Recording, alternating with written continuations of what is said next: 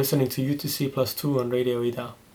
Our guest tonight is anthropologist Carlo Cubero. We'll be talking about anthropology and slowness in the academia, and also ongoing and possible futures in anthropology. Hello, my name is Carlo Cubero, and I am an anthropologist based in Estonia. I work at Tallinn University as Associate Professor of Anthropology. I've been working here since 2006 my I'm a visual anthropologist, which means that I research aspects of the audiovisual experience. And I have been conducting research in Europe, Eastern and Western Europe, and in the Caribbean. Let's start with the main topic of what the whole show is about slowness, education, and anthropology. Mm-hmm. Uh, is anthropology a slow science? Absolutely. In fact, that is that is one of its virtues and its vices. It's one of is one of the. Uh, I think if if there is a if there is a humanities discipline that can be characterized by its slow pace, is anthropology. Um, let me expand on this. Um, one of the one of the main contributions that anthropology has done to the study of humanities, to the humanities, is the methodology of participant observation. This consists of the researcher uh, going to the place that uh, he or she is interested in researching and living there for an extended period of time. In, in that process of being immersing themselves in this environment, well, a knowledge arises. Uh, anthropologists develop their conclusions based on an empathetic, immersive experience with the people in which they are living with.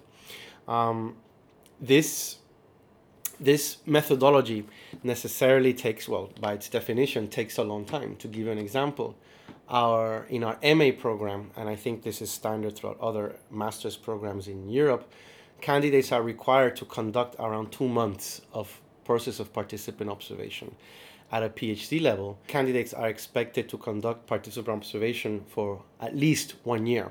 Some departments expect candidates to do research for two years. And some of the, you read some of the ethnographies written by myself and my colleagues, and they are based on long term experience with the places that they're studying.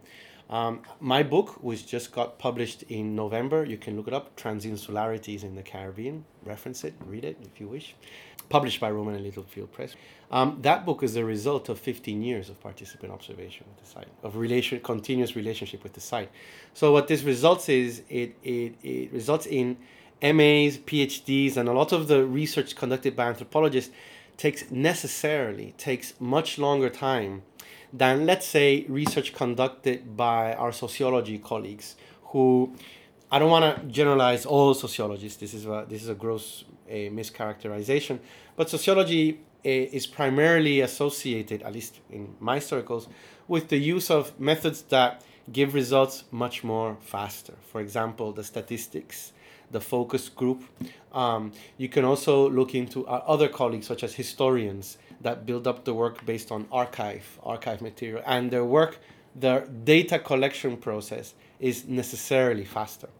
Now, this slowness of anthropology may cause, has caused, a problems with, um, let's say, university administrations or university bureaucrats that are interested in producing candidates very quickly, in, in graduating MAs and PhDs quickly. And anthropology always stands out, not just here, but when I studied in Manchester, anthropologists always took longer than the other, uh, the like the geographers or the sociologists or the lawyers to complete, precisely because of this process of participant observation. And if you take into account that many anthropologists do fieldwork in places where they don't speak the language, so the participant observation is prolonged by because they have to learn they have to learn the language.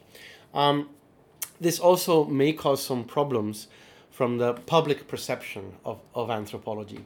Um, let's say uh, anthropologists, especially researchers, uh, sometimes end up working in with in, in the private sector, which is at least how capitalism works in Europe, is, is associated with quick results and have a, a quick a quick turnaround in the results. So if for example, if you're the manager of a business, let's say Maxima, for example, and you would like you're interested in a certain problem that you think that your customers you're not providing your customers with the best experience possible um, you like to hire a researcher to look into this issue and how to make the customer experience of maxima much more much more effective and, and efficient.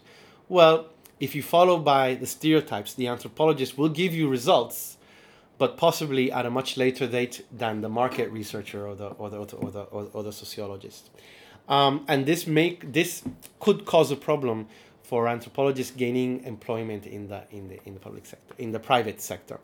However, this slowness of of the the research, I'd like to emphasize that it's a well. I'm not sure how you are uh, considering slowness. What is slowness? But I'm thinking of slowness purely as a temporal experience, as a technical thing, right? So yes, anthropologists do take tend to take longer. And I don't want to generalize all anthropologists because anthropologists do use there's loads of methodologies that anthropologists use to produce quick quick results. Um, it, however, this slowness does not mean inefficiency. This slowness should not be should be interpreted purely on a technical basis. That's just a temporal issue, and it, it bears no relationship with the efficiency or the reliability of the results. In fact, I would argue, and I'm sure all my anthropologist colleagues would argue, that while the process of participant observation in some cases may delay the process of producing results or publishing the material, um, you could rest assured that because of this slowness, the information would be much more sophisticated, will be based on intimate empathetic relationships, and fundamentally, it's designed to be much more insightful and much more qualitative and much more complex than the type of information that you get, let's say, from a census or from a, or from a survey. Mm-hmm. Yeah, that's my quick reaction to the slowness of anthropology. You touched upon it a little bit. I feel like there's two two sides to the slowness, as you say. One is the the what anthropologists do, and the other is what goes on in the university and yeah. how, how the university sees anthropologists and, and, and discipline, is there a tension between anthropology as a slow science and the university and the demands that they put on the departments, on the anthropologists and the students? Mm-hmm, mm-hmm, mm-hmm, mm-hmm. I think it depends on the type of of of pressures or conditions or context in which the university finds itself. Um, I would I don't and I'm not very familiar with university politics or university administration issues, but my observation of the state of public universities in Europe is that they are under and these are I mean public universities I mean they're they're funded by by the parliament by the ministries of education and science of the respective countries. They are under a lot of I my observation from the outside and from a bit from the from the sides as I observe the decisions that are being made by administrators. I read news of how other universities are, are, are coping with. Uh, um, a, we have to put it in a the, how how university the, the public university administration is always contextualizing the news is that it it is taking place in a environment where the European Union is facing an economic crisis. This is always being repeated. I don't know.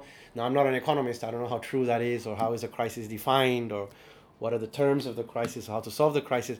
But what, what the effect this has, in terms of how it's being described in the in the in the community, is that public universities are put under increased pressure to to graduate candidates, to graduate students, and not just graduate students, but but to graduate students that would find employment very quickly in, in society so that they, they enter the job market quicker. And henceforth, I, I presume the theory goes, the unemployment rate would go down, and eventually, on a more medium or long term basis, the economic conditions of the country would, would, would change. Now, for a discipline like anthropology, which is characterized by its slowness, this may, this may pose a, a, a, a problem. And in fact, I remember, I'm going to say 10 years ago, uh, the United Kingdom went through a, a radical process of restructuring, which resulted in the closing down of many anthropology departments. The model, now I don't work in the UK, but this is what my uh, British colleagues uh, described that the, the UK university is increasingly relying on a neoliberal model of administration. By neoliberalism, I mean using a, an approach that is based on a bureaucratic logic, capitalism, a, and production of profit and efficiency. So, in that mentality, in that context where university is increasingly audited or bureaucratized, where there's an increasing concern about the bottom line or the bottom number, where there's an increasing concern that there's not enough resources to go around anymore because of the economic decisions that have been done in the in, in, in the past well yes anthropology does receive a lot of pressure to produce results quickly. That said that said um, anthropology departments are still around. Um, they are they're there. They're very popular. They're very big as i look i mean not not in tallinn but our colleagues in tartu well, just I mean, I'm thinking just just in the Baltics, uh, Estonia has three departments that work on fieldwork-based humanities, ethnology, folklore, and anthropology. And if you can consider other disciplines that do participant observation, like geography, we can talk. I mean, in a country of one and a half million, more or less, a bit less than that, to think that there's four departments, four of higher education that deal with fieldwork-based humanities is pretty impressive. In Latvia, there's two anthropology departments. Lithuania, there's one. So in a small region like, like the Baltics, anthropology is very well represented. And yes, we receive this pressure. Yes, and we put we, and we pass this pressure on to our students, and we we we we chastise them a lot in order to finish quickly, and we don't like them when they disappear or when they take an academic leave. We harass them and, and this and that. But um, at the end of the at the end of the day, anthropology is still going strong in the in, in the Baltics. Yeah. How do you see this navigation between research and teaching and, and administrative tasks? Well, that's a tension. That's definitely a tension. I think this is this is a tension that all academics experience, and it is, um, in my case, it was an unexpected tension. Um, when I was a student, I'm sure many of your listeners could relate. I looked I looked at academics as uh, individuals living on an ivory tower, disconnected from the social problems of, of the place where they live in, commanding nice salaries because they look very nice and nice clothes, um, commanding a lot of power. I mean, they have uh, uh, an academic staff has the power to accept or deny somebody for an MA program or for a PhD. Uh, the supervisor has arguably a lot of power over the direction that the dissertation could take, and this relationship continues after the PhD or MA candidate has graduated um, because they write re- reference letters and they continue in the network. So this gives the impression of the academic as being, um, I'm thinking of the word elite, you know, high salary, lots of power, enlightened, very knowledgeable, mature, you know, because we stand in the classroom, it's an environment we feel very comfortable in. So we perform, you know, with a lot of maturity. But this and yes and the process of t- and there's i'm not gonna say that is not true all that all these things are, are there and they're absolutely uh, uh, true. But this uh, well not entirely true. Not entirely that, that perception is there but it's not entirely true. Um, academic work when i started working in academia and started standing at the other side of the classroom instead of the classroom stand, now standing in, in the front there were many things, there are many experiences that I had that contradicted that stereotype or that impression that I that I that I had. And one is precisely the the impression that I had that academic work was exclusively focused on the production of knowledge. That's not quite true. Um, in in Tallinn University, I'm sure in my colleagues in the rest of the Baltic universities, and of course, it has been my observation of my colleagues in, in Sweden and in, and in the UK, academics do not only work with their research, they also get involved in the development of their programs.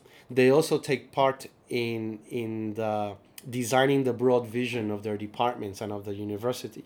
This necessarily puts them in a position to do a lot of administrative work and to get involved in the politics of higher, of higher education.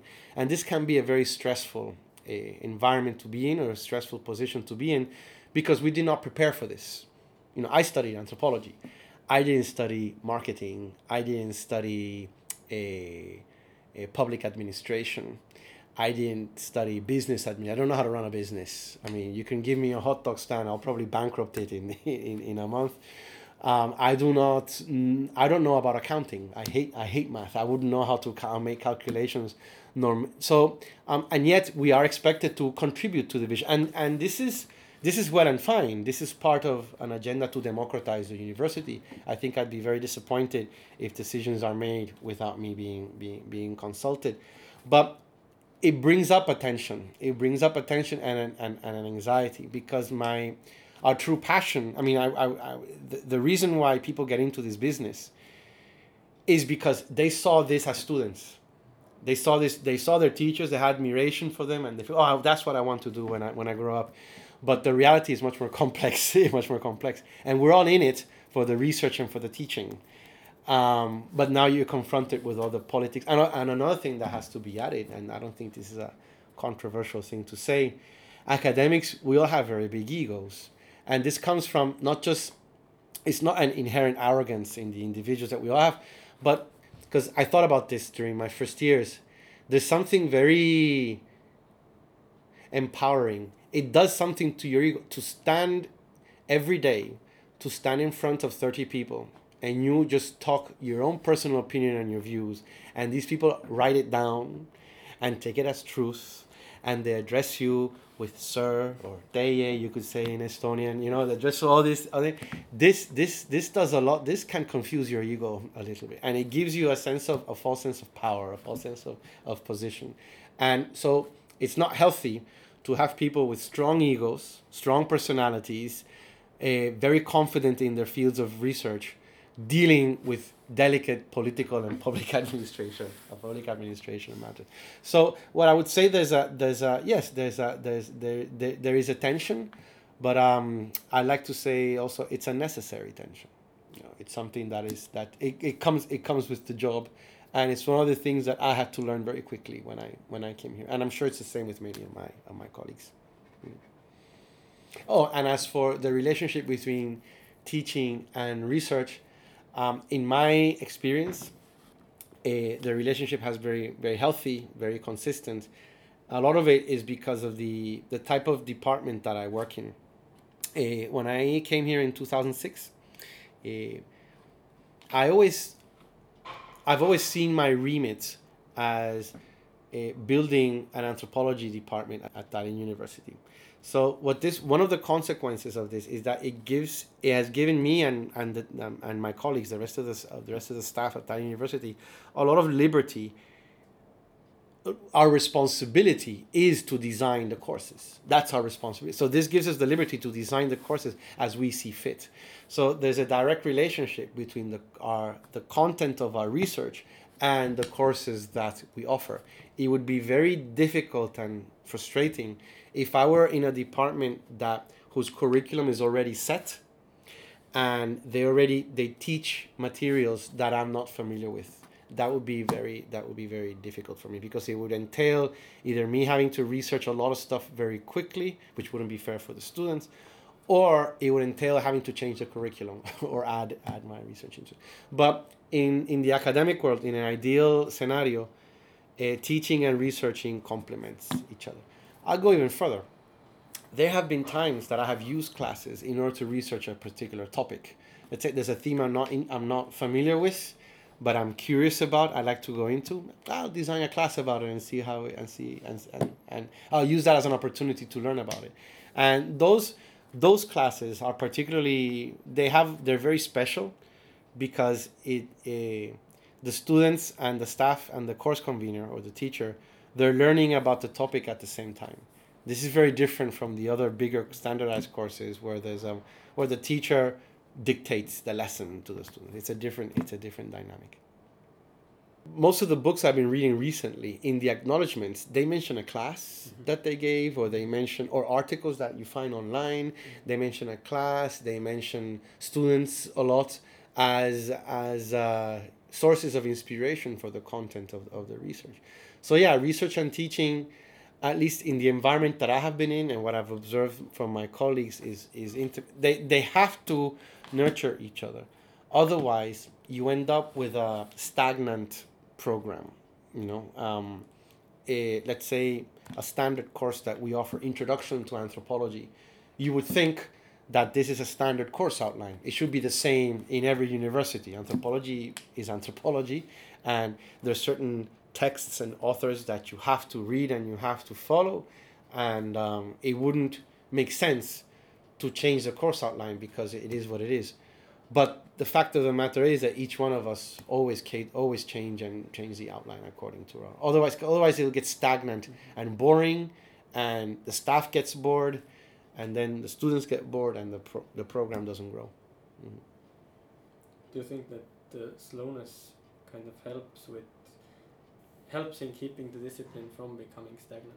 That well, you need time to think. It's always changing. It's yeah, there's something about okay when you're doing administration, right? You're doing administering. We're running a bit. Let's say we're running a we're running a business, and we had a bad season. Let's say we have a restaurant and we had a bad we had a bad season we have to make we're seeing that we're having a bad season. We have to make a quick decision to change our marketing change the menu fire the waiter change managers change venues. Perhaps we should move to another part. And these are decisions that have to make, be made quickly in order to salvage the season that way. Now these on an administrative level this is i think this is this has its place. And it, and it could be effective in an academic environment because you're dealing with ideas you're dealing with processes. You're not dealing with objects you know? You're dealing with with human beings you're dealing with people you're dealing with pros you're studying processes that are necessarily slow that are gradual. For example the process of history is slow. The process of culture change is generational and is very slow. It doesn't happen immediately in front of your eyes. It's i mean unless you have a revolutionary event. But normally the, the processes that anthropologists studies is is is slow and, and protracted. And what we actually study is not the event itself but the process right?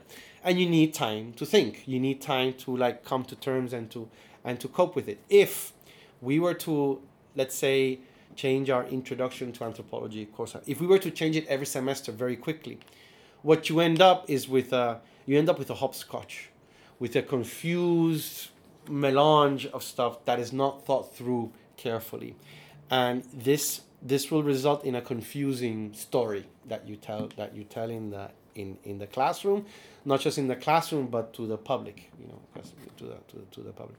So the slowness, and I insist the temporal uh, uh, slowness, is is necessary to. I, I is necessary to produce a insightful, carefully thought through convincing and consistent uh, knowledge. If, if we were talking about generations and, and thinking of lifelines, if, if we were to imagine an Estonian anthropology, I'm not sure if, if it exists or maybe it's in the. Well, it depends how you it depends how you define anthropology, mm. how you how you define it. If you define it in purely technical terms, as in a, a bureaucratic, you know, anthropology is the department based bureaucratic, blah, blah, blah, then anthropology in Estonia is 10 years old. 10 years old. The department started in 2006. However, if you define anthropology for what it is, for the actual practice of anthropology, then uh, the idea of studying culture and society through participant observation has an extensive tradition in Estonia that's over 200 years old. Um, the process of national awakening in this country was leadered by individuals. I was looking up Jakob Hurt the other day. This guy and, and his colleagues, 19th century Estonia, I'm sure you're listening. He was on the Corona, I, I, I found, yeah, the 10, I think it was. Um, exactly what he did. He got on a horse and carriage, drive around every single town and village in, in the country and knock on doors, sit in people's living rooms, chat with them, talk, uh, transcribe their songs, learn about their agricultural practices, their myths and the legends, and then and then collate that into uh, uh, a big big tomes of, of info and digest that into a description of a people. And so, yeah, in Estonia, this has had a very long tradition. It was, insti- as far as my understanding, it was institutionalized as ethnology and folklore in the University of Tartu. I don't want to say the date because I don't know it, but I know it was over a century ago. It was it's a long tradition, and yeah, they've been producing great work um, for the past centuries and, and generations. Now, as for lifelines and sort of let's say stages of of Estonian anthropology, this is beyond my my remit. I um, I don't read Estonian. At least I don't read it at an academic level. I cannot read what my colleagues have been doing, and so I cannot. I don't feel confident offering you uh, uh, uh, an opinion of the intellectual trajectory of fieldwork discipline in, in, in Estonia. What I can, what I what I could venture to say, in the ten years that I have that I have been here, is that. Uh, there is um, that anthropology, and now I'm including ethnology, folklore, geography, and fieldwork based humanities, Anthrop- fieldwork based participant observers of Estonia, um, they they react, they relate, their research is based on whatever's happening in the country. So while I wouldn't be surprised if a lot of the research conducted by my 19th century predecessors, um, well, that lot, they were based on a, a, process of nation building, of national awakening, and documenting the peculiarities of the Estonia, of the peasantry that lived in, in Estonia. Um, as such, that research may come, if, if I read it, I wouldn't be surprised, and I, I insist I haven't read it yet, but I wouldn't be surprised if it has an emphasis on the day-to-day folklore of the country. So traditional dresses maybe they were documenting the language and the different dialects and accents that exist in the country. Maybe they were documenting different work songs. Maybe they would document economic practices such as uh, agricultural practices or seasonal seasonal labor. And I, I wouldn't be surprised if the kind of work done at the 19th and early 20th century was of that nature I would also expect that the kind of ethnology and folklore produced in the Soviet context, in the ESSR, differed from that because it was they had a different agenda it had different content and again i don't i don't read russian or estonia so i don't want to presume what they were reading. But estonia uh, i i presume you know was was connected to the entire soviet union. So i wouldn't be surprised if they looked into a uh, Eh, Finno-Ugric peoples living in the Ural Mountains or, or Western Russia. I know many of my Estonian anthropology colleagues, they do fieldwork in Siberia. I would not want, to, I don't know, I wouldn't want to presume that this has a continuity with the Soviet context, but what is clear is that the conditions that Estonia found itself allowed for much more mobility eastward, you know, and do much more fieldwork in the, in the, in the other Soviet republics. And again, when you think of a lot of the research being conducted today, or at least research that our students are interested in today, again, is radically different from, and here I can speak with more confidence because I'm, but a lot of the work that I see that is being produced by our students and by our staff has to do with topics of globalization. Um, there's we we just had our admissions interviews for our BA uh, yesterday, and there was a marked interest in students wanting to study anthropology in order to understand better the current uh, so-called refugee crisis or the current issues that are being talked about migration. Or what does globalization mean for the estonian experience? Now we have all these uh, uh, capoeira groups in estonia flamenco groups in estonia sushi and all these western or otherwise cosmopolitan experiences that did not exist in this country 30 years ago right so people are very much interested in the in the in what does this mean for the for the contemporary society, and um, yeah. So what I would say is that if there is a genealogy, I don't want to go into the details of it because I'm not very familiar with it. But I but what I wouldn't I wouldn't be surprised if anthropologists submit themselves, subject themselves to what's going on in, in, in the world. A final example um, that I would offer is uh, an emerging field in anthropology today is the topic of the, the environment and global warming and climate change. And I would I, I would be confident in saying that the, the topic of environmental anthropology or environmental humanities is quite possibly one of the fastest growing, if not the fastest growing field in anthropology today. And this is this is not because an anthropologist had a realization one day, oh, let's study this because I find it. No, no, no, no. This is clearly informed by the the global discourse that is that is that is uh, taking over the public conversation on the state of the planet. Do you see anthropology as as uh, present in the social and political scene in, in Estonia? In Estonia, no. Well, in Estonia, not well. Depend compared to where is the thing. That's I compare. For example, I'll, I'll compare it. Um, it depends on each. Yeah, country. For example, in countries like uh, Norway, uh, anthropology has a very public uh, presence. Uh, interesting in Latvia, anthropology has a very public uh, presence. Um, I wouldn't want. I don't want to talk about other places because these are these are two sites where anthropology is very much present in the public in the public conversation. My initial reaction to this, uh, why why in these places, um, I think it's my very personal opinion here, is that um, this is more connected to the charisma and presence of specific individuals that are in this country rather than the structural features of, of, of, of anthropology. Mm. Um, in Latvia, we have a, my colleague Klaus Sedlenieks, who's a very charismatic speaker, um, very opinionated. He, he reminds me of Caribbeans that he knows everything twice. You know, they very very well informed about stuff. So um, and so journalists often call on him for, for opinions on, as a prime minister is getting married or, or a new law for taxation is being passed.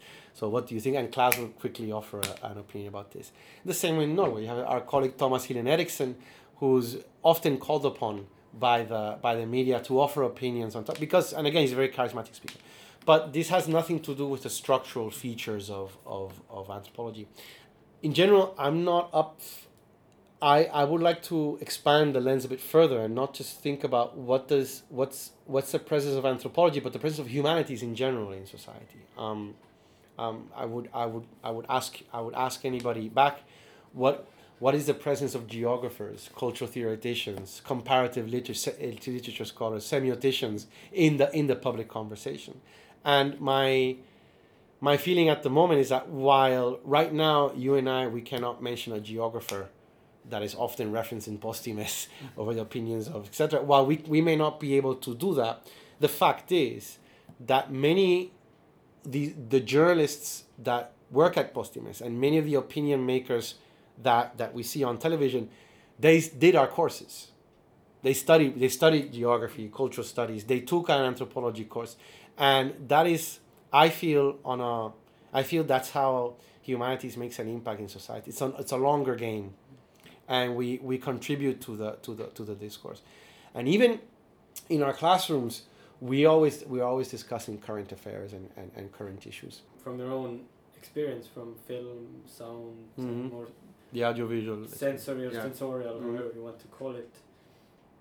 From your own experience as a filmmaker or, or and, and an anthropologist, or from teaching that in, here in Mhm. Tallinn, uh, is there a tendency for research and, and projects to fall in, in either categories, to fall in Yeah. either film or research and not find the, the visual anthropology middle ground?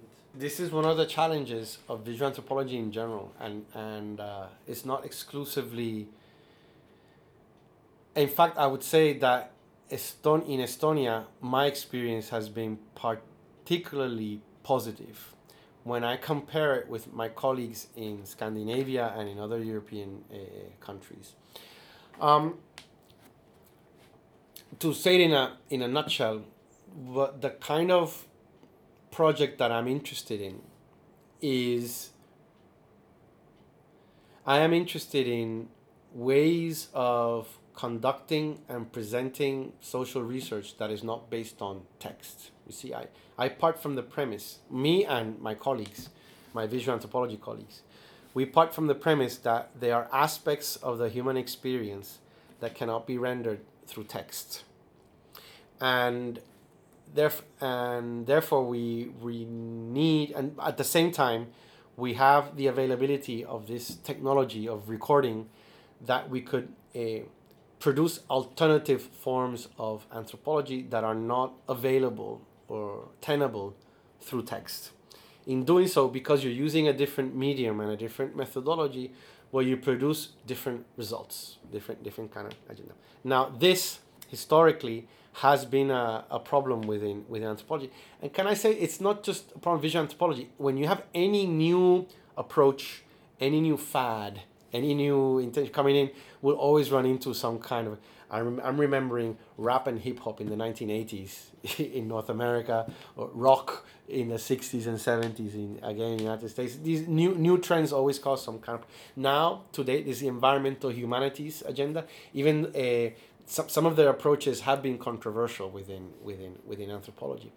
Um, regarding visual anthropology, the main the main worry, the main tension has been that, in my opinion, that a anthropology, historic, not just anthropology, but all humanities, have historically been text-based discipline. That is, a knowledge, the definition of knowledge or what we know, is whatever I'm not sure what knowledge is, but what I what I have learned through visual anthropology is that not there's a presumption that knowledge is anything that can be communicated through words. And this goes back, this is a very Christian tradition or monotheistic uh, tradition. This goes back uh, to late me- to medieval period when the first universities were being founded. There used to be monasteries and seminars. Uh, the first sentence of the Bible, depending on your translation that you read, at the beginning it was the word, or some, my Bible says it was the verb or the word. You know, so it's there's this insistence on discourse, word, speaking, and that is equated to knowledge. If if it cannot be transcribed through words, the suggestion is it's art. So, a painting, a choreography, dancing, pottery, etc., is art or perhaps industrial arts like a building you know building is, has a function or a chair has a but you wouldn't call that an object of research not in its not in its modern in the modern sense well i'm interested in exploring ways of deconstructing this binary opposition between text and the rest um, right so how has been my experience reconciling this this this tension in estonia has been very very positive. And I, when I compare, and I compare it with my experience in the UK, in Manchester. I studied visual anthropology in Manchester, and I have kept in touch with my Mancunian colleagues. And I have, by going to conferences and reading journals and keeping up to breast with anthropological theory, I have observed this tension play out with my colleagues in other visual anthropology departments. In Estonia, this experience has been very positive. And my opinion on it is because in Tallinn University, there, there was no tradition on anthropology before. Me and my colleagues started building up the, the, the program. And as such, uh, because there was no precedent or no tradition, no God to follow, well, we could basically set up whatever we, we, we our, our vision, our vision and our skills and our strengths had. So um, I, I have made it part of my contribution to the development of anthropology at Tallinn University has been to in, insert that debate and to push, try to push that debate further. And I have been very satisfied so far with the results. We have opened this program on audiovisual ethnography in collaboration with the Baltic Film and Media School. And what I find very exciting is that we're not only limiting ourselves to making films, but we're also working in the field of design and sonic and sonic ethnography. It is my impression that this kind the development of these kinds of projects would be much more difficult in a place like Manchester or Barcelona or Paris or Stockholm where, where you're based. And my sense of it at the moment is that these are depart this is because these are departments that are much more established, are much older, have much more sense of tradition embedded in themselves and they have a clear agenda towards uh, moving forward towards what kind of anthropology they're, they're working on. And the problem is that visual anthropology, sonic anthropology, design anthropology undermines because they're not working with text, they're putting they're making a fundamental question as to the nature of, of, of anthropology. And this will necessarily uh, run into all sorts of, uh, let's say, obstacles or universities, university structures that I am familiar with are designed in a way to ensure that they renew themselves constantly, and they do this through the mechanism of the postdoc of the postdoc. Um, so, uh, the university structure that I am familiar with goes along on an academic level goes along the lines that uh, well you have students, the BA, MAs, and, and PhDs, and then you have the staff, and the staff are people that have been in the business 10, 15, 30 years. They have tenure, they've written their books, and they have their families. They're paying their student debts or their mortgages, and they're pretty much set in their in their in their let's say in their academic tradition. They're, and they're proud of it, and that's why they're there for to teach that tradition and to and to move that to move that tradition forward. The post the postdoctorate researcher is this in between character and I find the postdoc fascinating. The postdoc is an individual that has finished their PhD, but does not have enough, is not necess- may not be interested in in an academic uh, post, not not on an immediate basis, or if they are, does not have the publications or the teaching experience to be competitive in the in the market.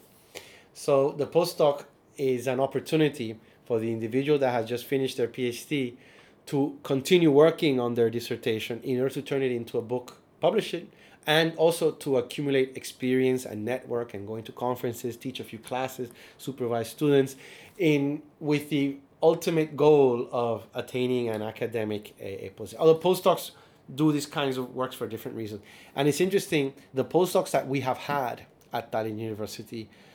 These are the individuals that I have found the most stimulating and the ones that really they put me in a put the, the kind of work that they bring make me radically change my minds. For example, all this stuff of environmental humanities, I've learned it through the postdocs that have that have come by.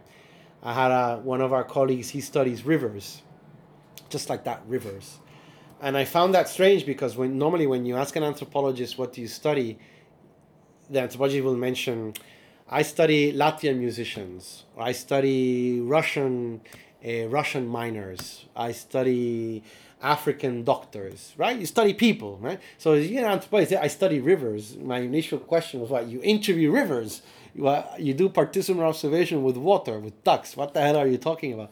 And in these kinds of, and he says, yes. And then we start a conversation, and this opens up a whole range of possibilities for me. So it is the, the, the postdoc that is, I think, is a very valuable and important character in renewing and challenging the academic the the academic discourse. Without postdocs, you have tenured associate professors and professors sitting there teaching the same course over over and over again. They don't feel the pressure. The postdocs are the the ones that stir the pot and keep and keep things keep things moving. Do you think that anthropology is becoming, uh, or is it is it the more a united front? Is it is it the big general mm-hmm. discipline, mm-hmm. or is it kind of spreading out more. This is interesting uh, question. I think there's a there's a debate on that. I think the the jury is out on on that. What what I have experienced. Okay, I'll say I think the re- the reason to argue the the reason to argue why for a fragmented anthropology, the reason to argue for that um, it dates back. I like to I like to date it back to the the post-colonial era in the late twentieth century, um, whereby the traditional hierarchical relationship academic relationships got broken or upended. It was traditional anthropological practice. Well, number one, anthropology departments primarily existed. When I'm talking before World War II, World War II and and anthropology departments were the privilege of imperialist countries. And the standard anthropological project would, would be, let's say, somebody from France or an imperial center going to a col- one of the colonies. If you're from France, you go to Cameroon or Senegal or Haute Volta, Upper Volta, which is now Burkina Faso. Spend there an extended period of time, and from that experience, you write up your dissertation. And this has been this has been the case throughout most of the 20th century in the context of anthropology. The process of decolonization, and what I mean by decolonization, I mean uh, 1960s, the entire continent of Africa got its independence, the rise of feminism, the success of the civil rights movement, the, fa- the failure of the Soviet Union, the success of the Vietnamese Revolution, China's changing its policy.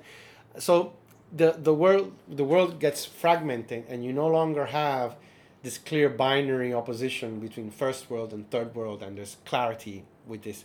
Um, so what this has resulted is a is a frag- fractured, fragmented anthropology. Now you have anthropology departments in the third world. I'm from Puerto Rico in the Caribbean, and um, I studied anthropology in Puerto Rico. And of course, the kind of anthropology that you're taught in the Caribbean is from a Caribbeanist perspective, and it's from just because of its position of power, it will be. I was taught different stuff than what my colleagues at Columbia University in New York City were taught, or the guys in Manchester and, or in France were, were, were learning. Um, and the kind of approaches and the kind of theories that Caribbean anthropologists are interested in necessarily are different from those from studying Papua New Guinea. You know, the anthropologists based in, in Kenya by or in or in Soviet Asia. Um, however, even though there is this fragmented, and I, I, I like to think I like to think there's different kinds of anthropologies. I, I believe in this. Um, so even though there's different kinds of anthropologists, you I would make the case that there is a unifying center.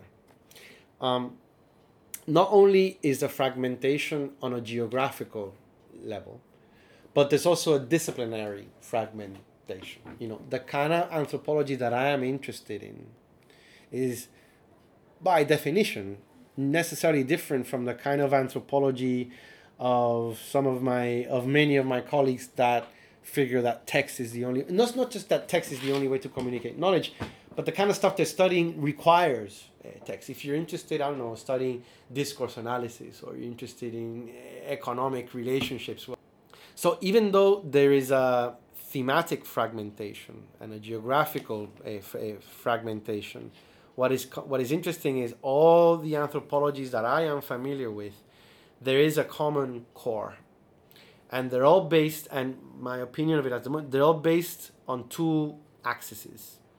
One is the theme of participant observation, and the other is the theme of cultural relativism or reflexivity. That is, that the anthropologist is self aware of their references and what they're doing the anthropologists will not I do not know of any anthropologist, credible anthropologist, that would make the case that their conclusion is the final conclusion.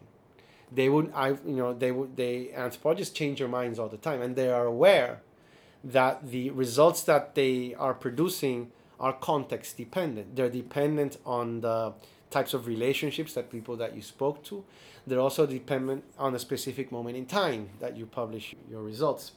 So I think there's that core value is there. So you can study birds, you could study witch doctors, you could study globalization, you can make films, you could do art and choreography, you can you know, all the, you could study writers. But at the end of the day, I think there's this this this core issue of participant observation and relativism or reflexivity that is at the center of, of, the, of the whole project. And of course there are these there are these canonical texts. There is there is i mean yes anthropology i, I mentioned earlier anthropology started in in, uh, in as an imperialist project. And um, I never thought of it like this, but talking to you now, you could there are certain centers that you can point to as the origins of institutionalized anthropology. Oxford, Cambridge, London School of Economics, Paris, the School of Higher Studies in Social Sciences, Columbia University, and certain individuals, Bronislaw Malinowski, Franz Boas, Claude Levi-Strauss, right? Certain individuals that you can point to, although it is, while it might be inappropriate in today's fragmented world to give a sense of God status or father status to these to these individuals. The fact is that if you're interested in classic anthropology or how understanding how is it that we got to where we are, you have to familiarize yourselves with these individuals. Yeah. So there is a sense of center, core, and there's also an agreement as to the development of the history of the discipline. I think there's that that that's something that unites the identity of of anthropologists, regardless of what they study or where or when that sounds like the cumulative aspect of anthropology. Yeah. You have to go through the whole. You have to go through the. I mean, it's it it's it's interesting. The the anthropology somehow mirrors its object of study. Its object of study is process. It's processual. Well, anthrop- so is anthropology. Anthropology is also processual. It's never. We do not. Anthropologists do not have a final goal you know? I would i would presume that an, an electrical engineer i don't want to offend any electrical engineers that are out there but the moment the perfect engine is created you know the perfect efficiency machine is created well then there's no there'll be no more need for for, for engineering. Well anthropologists don't stop studying because it's like or humanities is a never-ending project because the project of humanity is never-ending. Or rather, when humanity ends, so does anthropology. yeah, we won't be around anyway. Is there anything really current or, or really cutting edge right now in anthropology that excites you or you want to do? Yeah, yeah, yeah. Well, well, as, as I as I mentioned earlier, I'm interested in in gaining more competence in in audiovisual experiences. Um, I study filmmaking. I've made films. I teach filmmaking, but I am also I'm also interested in sonic anthropology. I've developed a curiosity in design anthropology. I'd be keen on collaborating with designers. I'm interested in learning more about museum curating and how to you know how, how to organize how to organize a space or a site that will convey an, an ethnography. I'm also interested in the philosophy of this. What does it mean when, what does it mean that knowledge can be performative? That knowledge, that knowledge is not based. Knowledge can, you know, can be based on a on a on a movement of the eye or a wink, and that it not everything has to be based on linguistic iteration. I'm interested in these in these possibilities. Now, as for what's current in anthropology now, um, it's a big question because, as I said earlier, um, there's many different kinds of anthropologies, and what's big, what's big in in for my Africanist colleagues, Scandinavians may not care much about, and vice and and and, and vice versa. Anthropology always reacts to the addresses the issue that that is that is that they're facing. That said, that said, I'll give you a few topics that the direction that the this department is taking in Tallinn. And what we would like to see happen is we're interested in developing our competency in four specific fields of research. Uh, one is this audiovisual stuff that I've been talking a lot about. Another topic that I think it would be uh, interesting for us to follow was this is this environmental issue. I think a country like like Estonia, um, that has such a strong narrative of its relationship to nature and the forests and the sea, right? And there's a, the concern that maybe modern Estonians are losing connection to that. Um, uh, the current controversies that are going on in the country regarding management of the forests, right? I've seen protests and stuff, and also the agriculture industry is going through some difficult decisions that have to be uh, be made. In that in that context, to to I think anthropologists have a lot to contribute to that conversation. Oh yes. Um, another topic that would be I'd be interested in and we are interested in developing and we will start developing from, from next year. I call it anthropology of capitalism, but maybe we should come up with a with a better word for it. Um, the what I mean by anthropology of capitalism, um, there is a I want to react against a popular understanding that some people may have that anthropology is the study of, of the unmodern or the non industrialized subject, or let's say the exotic uh, subject. Um, people, oftentimes, when I tell people that I'm an anthropologist, the images that it conjures up is me doing participant observation in far off exotic locations. And, and while that may be true, I go to the Caribbean to do my participant observation.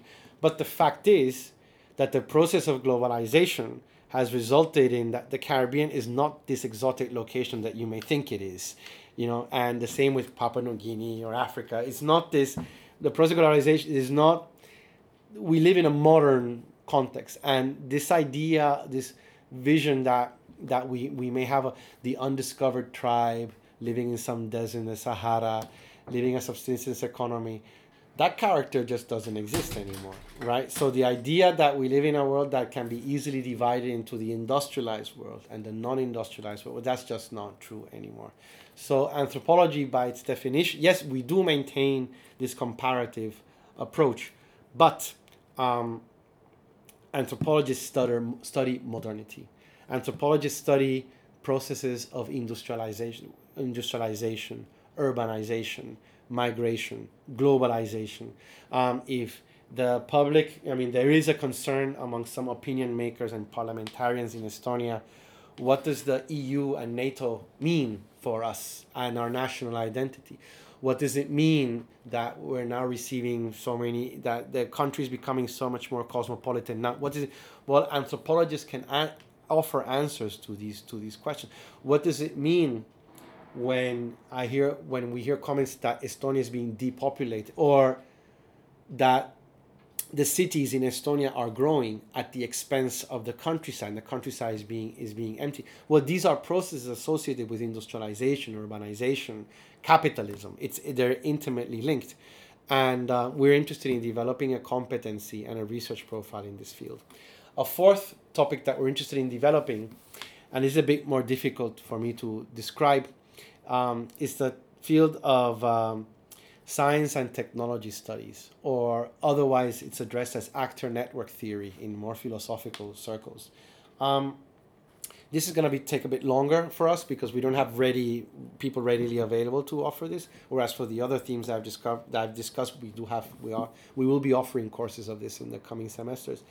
Um, my take on science and technology studies is is a type of it's a field of study that acknowledges that our social life is mediated through technology and through objects. Especially now, um, our world is not necessary is not just mediated but dictated by our technological reality.